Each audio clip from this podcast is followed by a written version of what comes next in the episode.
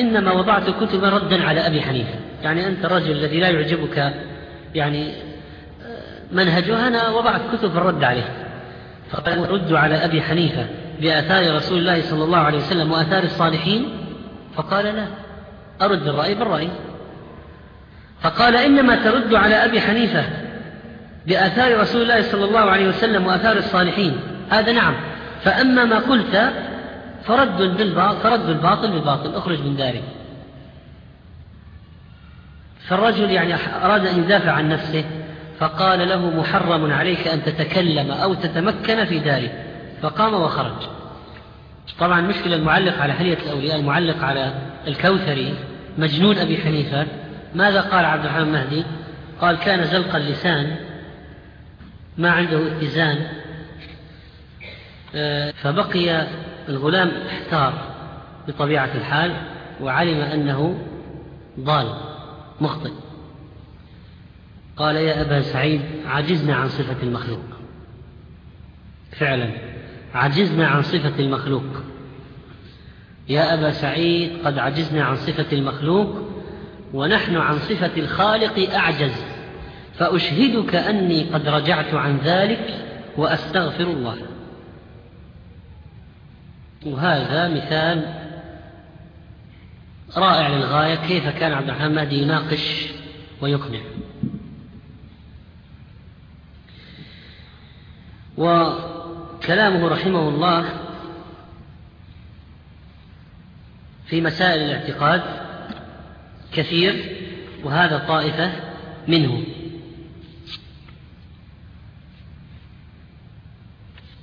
وأما بالنسبة لفقهه رحمه الله فإنه بطبيعة الحال لم يكن له مذهب معين ولكنه كان على يعني يذهب مذهب تابعي أهل المدينة ويقتدي بطريقتهم وقال الإمام أحمد كان يتوسع في الفقه. يقول الإمام أحمد بن حنبل عن عبد الرحمن المالي كان يتوسع في الفقه. كان أوسع فيه من يحيى يحيى بن سعيد القطان. وكان يحيى يميل إلى قول الكوفيين وكان عبد الرحمن يذهب إلى بعض مذاهب الحديث وإلى رأي المدنيين. طبعا ما هي طريقتهم في ذلك الوقت؟ الأخذ بآثار طبعا القرآن والسنة. وناس عندهم علم باللغة وفهم يأخذون بالقرآن والسنة يجمعون الأحاديث. وآثار الصحابة. وآثار الصحابة. يفتون بها ويتبعونها. هذه هي المذهب. انتهى يأخذون منها يأخذون بهذه. الكتاب والسنة وأقوال الصحابة. هذا هو المذهب. هذا هو المنهج. وكان رحمه الله تعالى متقنا لما يسمع. فقال محمد بن أبي بكر المقدم ما رأيت أحدا أتقن لما سمع ولما لم يسمع. ولحديث الناس من عبد الرحمن بن مهدي. وقد بلغ في الإتقان مبلغا عظيما جعل يحيى بن سعيد يقول ما سمع شوف هذه الكلمة فيها تواضع فيها أيضا تزكية بالغة لعبد الرحمن مهدي. يقول يحيى بن سعيد رحمه الله ما سمع عبد الرحمن من سفيان عن الأعمش؟ ما سمع عبد الرحمن بن مهدي عن سفيان عن الأعمش؟ أحب إلي مما سمعت أنا عن الأعمش. عبد الرحمن مهدي عن سفيان عن الأعمش. أحب إلي وأوثق عندي مما سمعت أنا عن الأعمش.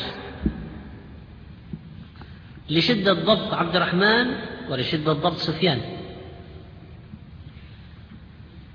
وقال علي بن المديني رحمه الله عن عبد الرحمن المهدي كان يعرف حديثه وحديث غيره. وكان يذكر له الحديث عن الرجل فيقول خطأ. ليس هكذا الحديث. ثم يقول ينبغي أن يكون أتى هذا الشيخ من حديث كذا من وجه كذا. قال فنجده كما قال.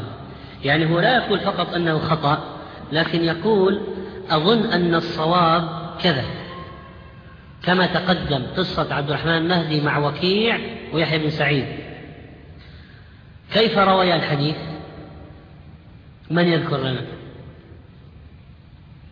كيف روي الحديث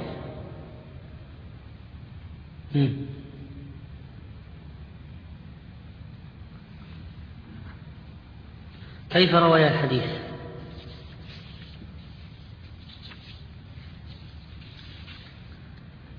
جعل بدلا من سفيان جعل الحديث عمل عن أبيه. وعبد الرحمن روى الحديث عن سفيان عن منصور مع أن يحيى بن سعيد وكيع كلاهما قد رواه عن عن سفيان عن أبيه لكن عبد الرحمن رواه عن سفيان عن منصور ورجع إلى قوله رجع إلى قوله. ومن دقته أنه كان لا يحدث بالمعنى لا يحدث إلا باللفظ هذه مسألة عند المحدثين هل تجوز الرواية بالمعنى أم لا؟ والذين أجازوها شرطوا فيها شروطا شرطوا فيها شروطا أن يكون عالما باللفظ وما يحيل المعنى إلى آخره. وبعضهم قال لا يجوز الرواية بالمعنى تروي يروي كما يرويه إما أن يحفظ فيرويه أو لا يروي شيئا. فكان عبد الرحمن مازي رحمه الله ممن لا يحدث إلا باللفظ ولا يجيز التحديث المعنى. وكان بصيرا في علم العلل حتى قال عنه علي بن المديني علم عبد الرحمن بن مهدي في الحديث كالسحر. علم عبد الرحمن بن مهدي في الحديث كالسحر. وهو يقول عن نفسه عبد الرحمن مهدي يقول لأن أعرف علة حديث أحب إلي من أن أستفيد عشرة أحاديث. لو أعرف علة حديث عندي أحسن من أسمع عشرة أحاديث جديدة. وكذلك قال علي المديني سمعت عبد الرحمن المهدي يقول خالفني ابن المبارك في حياة سفيان في حديث عن إبراهيم في عد في عدة أم الولد في عدة أم الولد. قال ليس هو حبيب بن أبي ثابت. ابن المبارك رحمه الله رأى هذا. عبد المبارك طبعا من جبال الحفظ. قال عبد الرحمن فسألت سفيان عنه فقال هو حبيب بن أبي ثابت. فسفيان أكد الثوري أكد ما حفظه عبد الرحمن. وكان عبد الرحمن رحمه الله لا يروي إلا عن الثقات.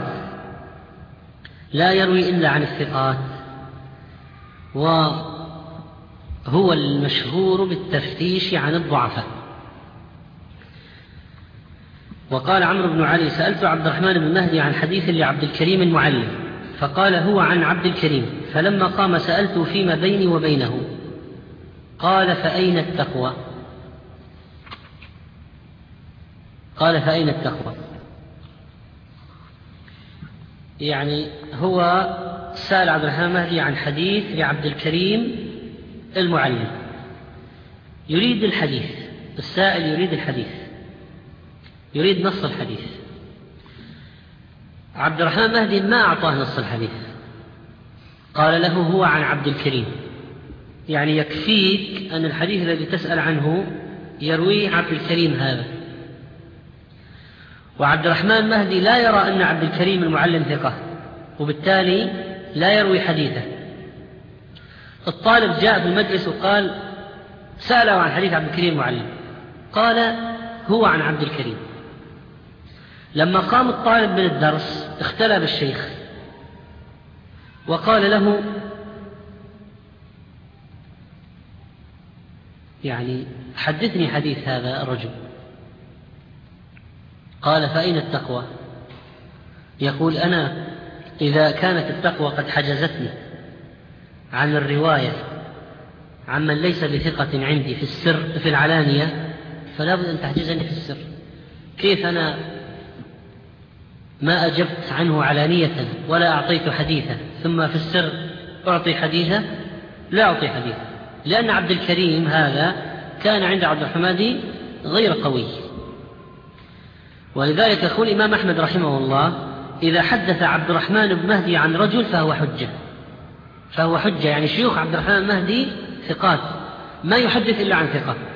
طبعا هو سمع عن الثقة وعن غير الثقة ولذلك يطرحون أحاديث يطرحون أحاديث كثيرة جدا مع أنهم سمعوها ويحدثون بأحاديث معينة فقط.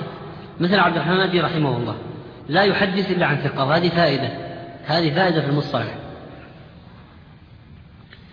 وقال علي بن المديني أعلم الناس بقول الفقهاء السبعة الزهري فقهاء أهل المدينة السبعة سبق ذكرناه الزهري ثم بعده مالك ثم بعده ابن مهدي. فأعلم فأعلم طبقته بالفقهاء السبعة الزهري. وأعلم تلاميذ الزهري بعده مالك. وأعلم من بعد مالك ابن مهدي. وكان لعبد الرحمن مهدي رحمه الله تعالى أقوال قد أثرت عنه فيها حكم. فمن أقواله التي أثرت عنه والتي تصلح أن تكون قواعد في العلم والأدب قال معرفة الحديث إلهام وقال أيضا فتنة الحديث أشد من فتنة المال والولد. كم من رجل يظن به الخير قد حمله الحديث على الكذب. قد حمله الحديث على الكذب. شهوة أن يجتمع عليه الناس وأن يأخذوا عنه وأن يقال فلان عن فلان يدخل في الأسانيد. فإذا لم يكن صاحب حديث يريد أن يدخل نفسه في هذه الصنعة بسبب شهوة الحديث ربما يكذب. وكذلك قال من أقواله محرم على الرجل أن يفتي إلا, وفي إلا في شيء سمعه من ثقة. إلا في شيء سمعه من ثقة. وهذا فيه تعليم لبعض الناس الذين يتساهلون بالفتية. فيقول لك هذا كذا. فتقول من الذي حدثك به؟ فيقول ما أدري سمعت مرة. سمعت مرة في مجلس ما أدري من من الذي قال أو مرة سمعت آه كذا في ذهني. لكن يقول لا محرم على الرجل أن يفتي إلا في شيء سمعه من ثقة. وقال عن الولع بالحديث وأن الحديث إذا تمكن من الإنسان صار صار مسيطرا عليه. يقول ما هو يعني الغرام بطلب الحديث إلا مثل لعب الحمام ونطاح الكباش.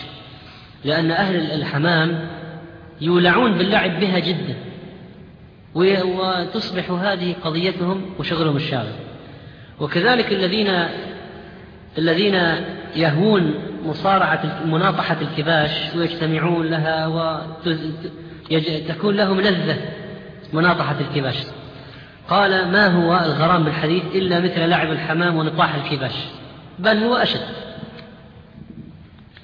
وقال رستة سألت ابن مهدي عن الرجل يتمنى الموت مخافة الفتنة على دينه. قال ما أرى بذلك بأسا. لكن لا يتمناه من ضر به أو فاقة. تمنى الموت أبو بكر وعمر ومن دونهما. فإذا كان يتمنى الموت حتى لا يفتن في دينه فلا بأس. أما أن يتمنى الموت لضر نزل به فلا لأجل الحديث. ومن تواضع عبد الرحمن مهدي رحمه الله كما يروي رستة قام ابن مهدي من المجلس وتبعه الناس يمشون خلفه الناس يمشون خلفه. فقال يا قوم التفت إليهم يقول هؤلاء التابعين له يا قوم لا تطؤن عقبي لا تمشون ورائي ولا تمشن خلفي. حدثنا أبو الأشهب عن الحسن قال عمران خفق النعال خلف الأحمق قل ما يبقي من دينه قال لا تمشون ورائي هذه فتنة لي. وإن خفق النعال خلف الأحمق قل ما يلقي من دينه مع أن الرجل من أعقل العقلاء. وقال عبد الرحمن أيضا من أقواله العظيمة التي تنبع عن التواضع حب العلم وحب طلبة العلم يقول كان يقال إذا لقي الرجل الرجل فوقه في العلم فهو يوم غنيمة. إذا لقي الرجل الرجل فوقه في العلم فهو يوم غنيمة.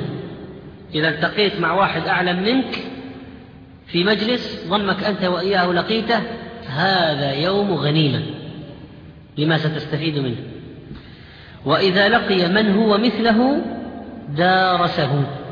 مدارسة ومذاكرة. كما فعل هو مع وكيع في الحرم. من العشاء إلى الفجر. دارسه وتعلم منه. وإذا لقي من هو دونه تواضع له وعلمه. هذه حكم. إذا لقيت من هو فوقك هذا يوم غنيمة. إذا لقيت من هو مثلك مدارسة. إذا لقيت من هو دونك تعليم. ولا يكون إماما في العلم من حدث بكل ما سمع. وإنما يجب أن ينتقي ولا يكون إماما من حدث عن كل أحد ولا من يحدث بالشاذ وقال من أقوال المأثورة إنما مثل صاحب الحديث بمنزلة السمسار إذا غاب عن السوق خمسة أيام تغير بصره. يقول السمسار السمسار الذي يتابع الأسعار ويتابع الأشياء وطبعا هذه الأشياء كل يوم تتغير. فالسمسار إذا غاب عن السوق خمسة أيام تغيرت عليه الأسعار والبضائع والأشياء وإذا دخل يأتي كأنه يعفو لا يدري ماذا يفعل. وخبرته تغيرت. قال صاحب الحديث بمنزلة السمسار إذا غاب عن السوق خمسة أيام تغير بصره. فكأنه يقول لا إجازة في طلب العلم. ما في إجازات في واحد يأخذ عطلة من طلب العلم. ما ما في. لابد كل يوم يطلب العلم. إذا غاب صاحب الحديث عن الحديث خمسة أيام تغير. فكما أن السمسار يحتاج إلى متابعة الأسعار باستمرار كذلك صاحب الحديث يحتاج إلى متابعة العلم باستمرار. وقال أيضا ابن مهدي ما ينبغي لمصنف أن يصنف شيئا من أبواب العلم إلا ويبتدئ بهذا الحديث. ما هو؟ ما هو يا أخوان؟ حديث إنما الأعمال بالنيات.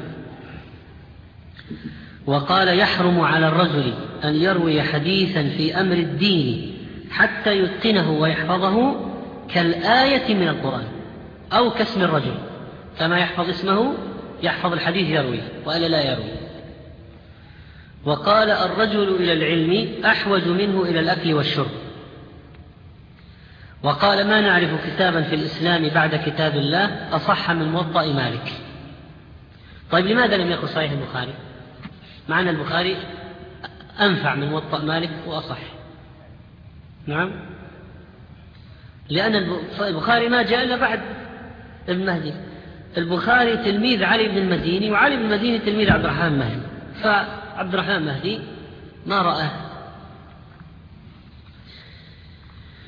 وقال أيضا لا يجوز أن يكون الرجل إماما حتى يعلم ما يصح مما لم يصح. وحتى يعلم بمخارج العلم وحتى لا يحتج بكل شيء يحتج بأشياء معينة. فإذا الذي ما عنده تمييز الصحيح من السقيم هذا ما يصلح عالم. وقال أئمة الناس في زمانهم سفيان بالكوفة وحماد بن زيد بالبصرة ومالك بالحجاز والأوزاعي بالشام. وقال ما خصلة تكون في المؤمن بعد الكفر بالله أشد من الكذب وهو أشد النفاق. و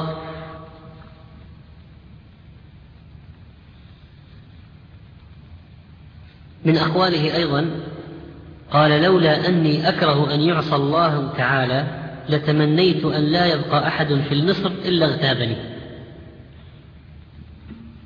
لولا أني أكره أن يعصى الله تعالى لتمنيت أني أن لا يبقى أحد في البلد في مصر إلا اغتابني وأي شيء أهنأ حسنة يجدها الرجل في صحيفته لم يعمل بها. أي شيء أحسن أنك تأتي يوم القيامة تجد حسنات في صحيفتك مأخوذة من الذي اغتابك وأنت ما تعبت عليها ولا عملتها.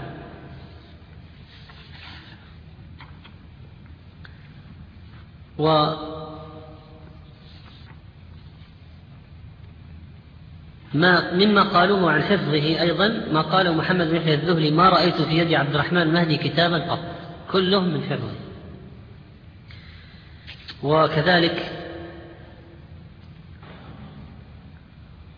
من متابعته لأهله وأولاده في صلاة الجماعة وهذه قضية مهمة لأن بعض الناس ربما يهملون أهاليهم بحجة طلب العلم أو بحجة الشغل أو بحجة بعض الطاعات. يهملون أولادهم. قال رستة سألت ابن مهدي عن الرجل يبني بأهله. يترك الجماعة أياما؟ هل العرس عذر في ترك صلاة الآن بعض الناس طبعا إذا صار عرسه الليلة صلاة الفجر هذه بكرة يعني من مفروغ منها يعني. ما في صلاة فجر في المسجد. مفروغ منها. فشاع عند بعض الناس أن الذي أعرس الذي يبني بامرأة يعذر في صلاة الجماعة أسبوع ثلاثة أيام خمسة. قال رسل سألت ابن مهدي عن رجل يبني بأهله يترك الجماعة أياما؟ قال لا ولا صلاة واحدة. ولا صلاة واحدة. والقصة التي تبين حرص الرجل على أولاده متابعته لأولاده القصة التالية. يقول رستة تكمل القصة الكلام. وحضرت ابن مهدي صبيحة بنى صبيحة بنى على ابنيه يعني زوج ابنيه. فخرج فأذن أذن الفجر. ثم مشى إلى بابهما. باب كل واحد باب بيت كل واحد. وقال للجارية الجواري الخدم الموجودين قال للجارية قولي لهما يخرجان إلى الصلاة. يلا الصلاة مو صلى. فخرج النساء والجواري داخل داخل البيت. فقلنا سبحان الله أي شيء هذا؟ كانوا يقولون يعني إيش تشديد هذا هذا الآن توه مع رسواء يعني الآن ينام في العسل اخرجوه إلى المسجد. إيش هذا؟ فقلنا سبحان الله أي شيء هذا؟ فقال لا أبرح حتى يخرج إلى الصلاة. أنا جالس. قال أنا جالس. ما أبرح حتى يخرج إلى الصلاة. فخرج بعدما صلى.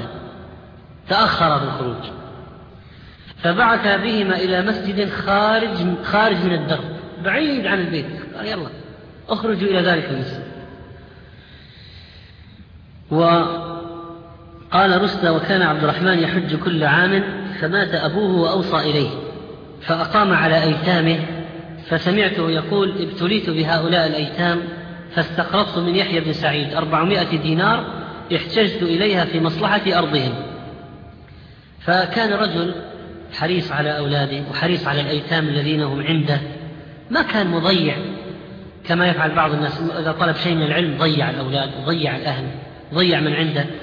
علما بأنهم بطبيعة الحال كانوا لا شك يعني ليسوا مع أولادهم كل الوقت لأنهم احتاجوا إلى أشياء كثيرة من احتاجوا إلى أشياء من, من الوقت كثيرة. ولذلك هو نفسه عبد الرحمن مهدي رحمه الله كان عند الإمام مالك.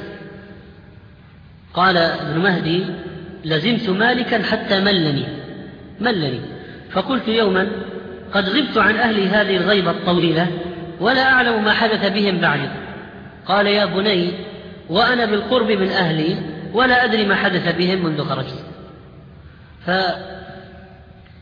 فكانوا مع تضحيتهم بالأسفار والتغيب لكن ما كانوا مهملين في المتابعة. فإذا حضر عند أهله تابع أهله. وأمرهم بالصلاة وأمر أهلك بالصلاة واصطبر عليها. وكانوا عند حماد بن زيد فسئل عن مسألة فقال أين ابن مهدي؟ من لهذا إلا ابن مهدي؟ قال فأقبل عبد الرحمن فسأله عن ذلك فأجاب. فلما قام من عنده قال هذا سيد البصرة منذ ثلاثين سنة. هذا من ثناء حماد رحمه الله وهو شيخه عليه. وكذلك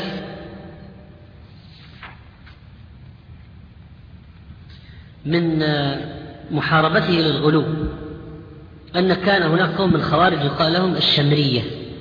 أتباع واحد من رؤوس الخوارج يكن بأبي شمر. الشمرية هؤلاء سئل عبد الرحمن مهدي عنهم فقال ما أخبث قولهم؟ يزعمون لو أن رجلا اشترى ثوبا وفيه درهم من حرام لا تقبل له صلاة ولو أن رجلا تزوج امرأة في مهرها درهم من حرام لا تحل له. وكان وطئها حراما. ويقولون لو أن رجلا ذبح شاة بسكين لرجل لم يأمر به أو كان ثمنه من حرام كانت ميتة. وما رأيت قولا أخبث من قولهم فنسأل الله تعالى السلامة والعافية. وكان عبد الرحمن مهدي ضد أهل الرأي لأنه من أهل الأثر. وأهل الرأي كانوا لا يعتمدون على الآثار والآثار مهمة جدا أقوال الصحابة والتابعين أفقه الأمة. فكانوا يعملون القياس. أهل الأثر كعبد الرحمن مهدي رحمه الله يرون كيف يعمل العقل كيف يعمل القياس الآن وعندنا نصوص.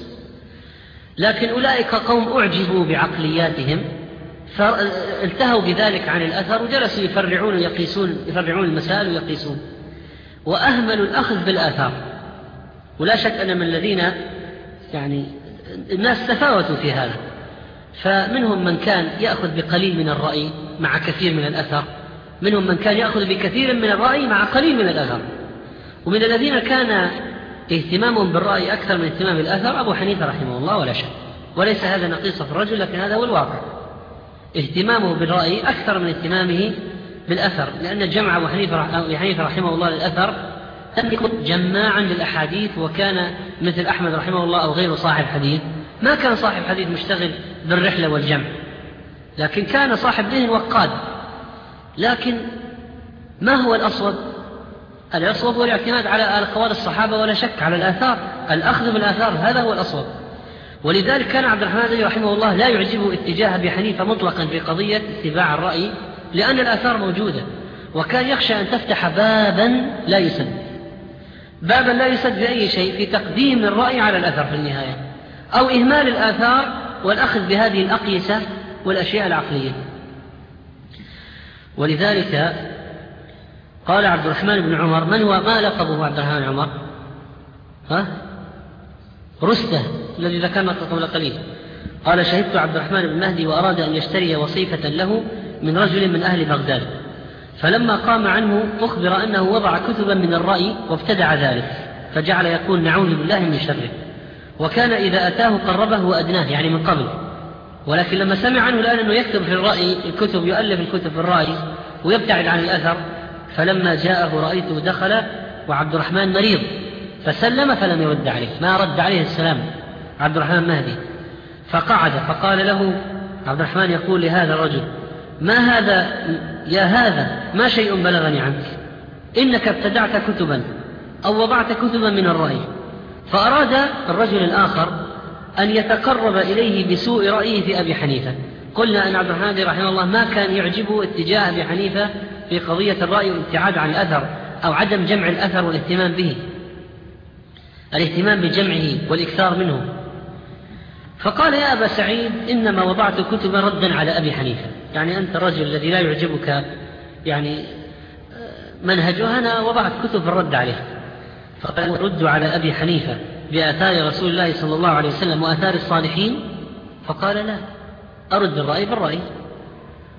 فقال إنما ترد على أبي حنيفة بآثار رسول الله صلى الله عليه وسلم وآثار الصالحين. هذا نعم. فأما ما قلت فرد بالباطل فرد الباطل بالباطل أخرج من داري. فالرجل يعني أراد أن يدافع عن نفسه فقال له محرم عليك أن تتكلم أو تتمكن في داري. فقام وخرج. طبعا مشكلة المعلق على حلية الأولياء المعلق على الكوثري مجنون أبي حنيفة. ماذا قال عبد الرحمن مهدي؟ قال كان زلق اللسان ما عنده اتزان لا يعرف أبا حنيفة سيء الصلاة اتهم بمهدي من سيء الصلاة؟ فبعد ذلك إخواني يقرؤون بعض الكتب انتبهوا من التعليقات. لأن بعض التعليقات ربما تكون سما كما علق الكوثري هذا مجنون أبي حنيفة علق واتهم عبد الرحمن مهدي أنه يسيء الصلاة. وقيل لعبد الرحمن مهدي إن فلانا قد صنف كتابا في السنة ردا على فلان. فقال عبد الرحمن ردا بكتاب الله وسنة رسوله صلى الله عليه وسلم قيل لا بكلام. قال رد بباطل رد باطلا بباطل. ما فعل شيء. وقد توفي عبد الرحمن المهدي رحمه الله بعد حياة حافلة في العلم والعبادة في جماد الآخرة سنة ثمان وتسعين ومائة وكان له من العمر ثلاث وستون سنة رحمه الله تعالى رحمة واسعة وأثابه خيرا جزيلا. وأجرا عظيما على ما نافح عن دينه وأبان من الحق ونقل من السنة. فالله يرفع درجته ويغفر ذنبه ويلحقه بالرفيق الأعلى. وأسأل سبحانه وتعالى أن ينفعنا بعلم ذلك الرجل وما روى. والله أعلم. وصلى الله وسلم على نبينا محمد.